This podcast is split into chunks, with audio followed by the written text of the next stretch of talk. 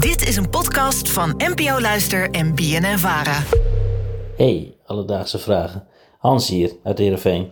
Ik hoorde laatst van iemand dat een grutto wel 12.000 kilometer kan afleggen. Wat ik me dan afvroeg, krijgt zo'n vogel dan geen jetlag? Alledaagse vragen. NPO Luister. Hans uit Heerenveen, dankjewel voor het insturen van je vraag.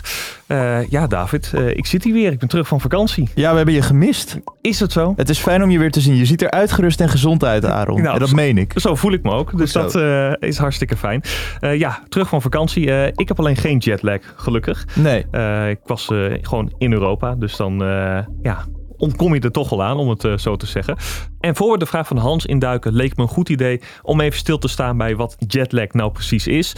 Iedereen heeft er vast wel eens over gehoord dat het eh, te maken heeft met vliegen. Nou, dat klopt ook, want bij een lange vlucht ga je vaak door meerdere tijdzones. Eh, en je biologische klok, die staat dan nog ingesteld op de tijdzone waaruit je vertrok, om het zo te zeggen. En dan loop je eigenlijk uit de pas met je bestemming en hoe je biologische klok eh, is geregeld. En hierdoor kun je klachten als vermoeidheid krijgen, maar ook slapeloosheid. Omdat het voor je gevoel overdag kan zijn, maar het dan eigenlijk s'nachts is. Heb jij wel eens een jetlag gehad? Nee, ik ben ja, nooit echt ver gereisd. Nee. Dus eh, ik heb wel ooit een keer een sociale jetlag gehad. En dat is blijkbaar dat activiteiten in de maatschappij voor je gevoel niet helemaal overeenkomen met wat jij fijn Oh. vindt. Dus eh, herken je misschien wel middelbare school? Ik heb het idee alsof ik altijd bijna een sociale jetlag heb, eerlijk gezegd dan. Als dat een sociale jetlag is. Nou, bij deze David. eh, misschien moet je er wat doen.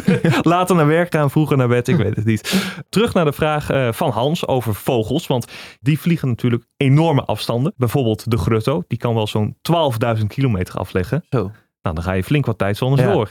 Kunnen zij ook jetlag krijgen? En voor een antwoord op die vraag belde ik met Famke Berendsen. Zij is bioloog bij Artis en ze had ook een antwoord op deze vraag. Nou, onder natuurlijke omstandigheden, nee, dieren hebben daar over het algemeen geen last van. Er zijn een aantal verschillende verklaringen daarvoor. Dus bijvoorbeeld, de meeste dieren migreren heen en weer van noord naar zuid. Afhankelijk van de route kunnen ze dus veel kilometers afleggen en in dezelfde tijdzone eindigen. Dus ik dacht bijvoorbeeld aan, eh, de ooievaar als een goede voorbeeld. Die migreren van Europa naar Afrika en terug. Veel van die landen in Zuid-Afrika zitten in dezelfde tijdzone als Nederland. Dus uiteindelijk, na dat hele migratie, is er geen verschil in tijdzone om jetlag te veroorzaken. Ja, best wel logisch eigenlijk. Ja, ze gaan natuurlijk van warm naar koud, toch? Dat is een beetje het idee. Precies. Ja, Het is niet dat ze helemaal eh, naar andere plekken moeten, gewoon meer naar het zuiden. ja precies. En wat natuurlijk ook zo is, ehm, ja, die vogels die doen er weken over voordat ze op hun eindbestemming zijn.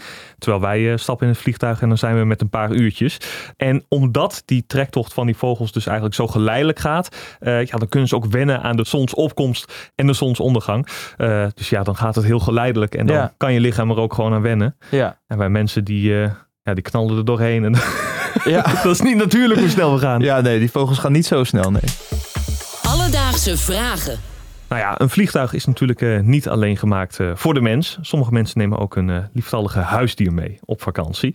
En dan is natuurlijk ook de vraag, kunnen die ook last hebben van een jetlag? Ja, goede vraag. Er is wel enig anekdotisch bewijs dat dieren jetlag kunnen ervaren wanneer ze in vliegtuigen worden gevlogen. Dus sommige mensen nemen huisdieren zoals katten en honden mee op vakantie. En die mensen melden wel dat hun dieren op verschillende tijdstippen van de dag moe zijn of dat ze meer slapen dan normaal. Maar we kunnen die dieren natuurlijk niet vragen hoe ze zich voelen en welke symptomen van jetlag ze ervaren. Ja, het is echt jammer dat je het niet kan vragen. Ik zou wel eens een hond willen horen zeggen van zo jongen, die vlucht, dat was wat. Ik ben nog steeds moe, ik ben al weken terug van Japan. Dus Hans, vandaag zochten we voor je uit of vogels ook last kunnen krijgen van een jetlag. En als vogels op trektocht zijn, dan kan dit niet. De reis is dan zo lang dat het overgaat in andere tijdzones heel geleidelijk gaat. Maar wel kan het dier last krijgen van jetlagklachten wanneer deze meegaat op een vlucht. Zoals bij huisdieren nog wel eens wordt gedaan. Maar ja, we kunnen ze dan natuurlijk niet vragen. Dus of het echt zo is, dat blijft toch een beetje mysterie. Heb jij ook een vraag? Stuur ons dan een berichtje op Instagram. Dat kan naar Alledaagse Vragen. Of stuur een mailtje naar alledaagsvragen.bnnvara.nl en dan zoeken we het voor je uit. Alledaagse vragen. NPO Luister. BNN Vara.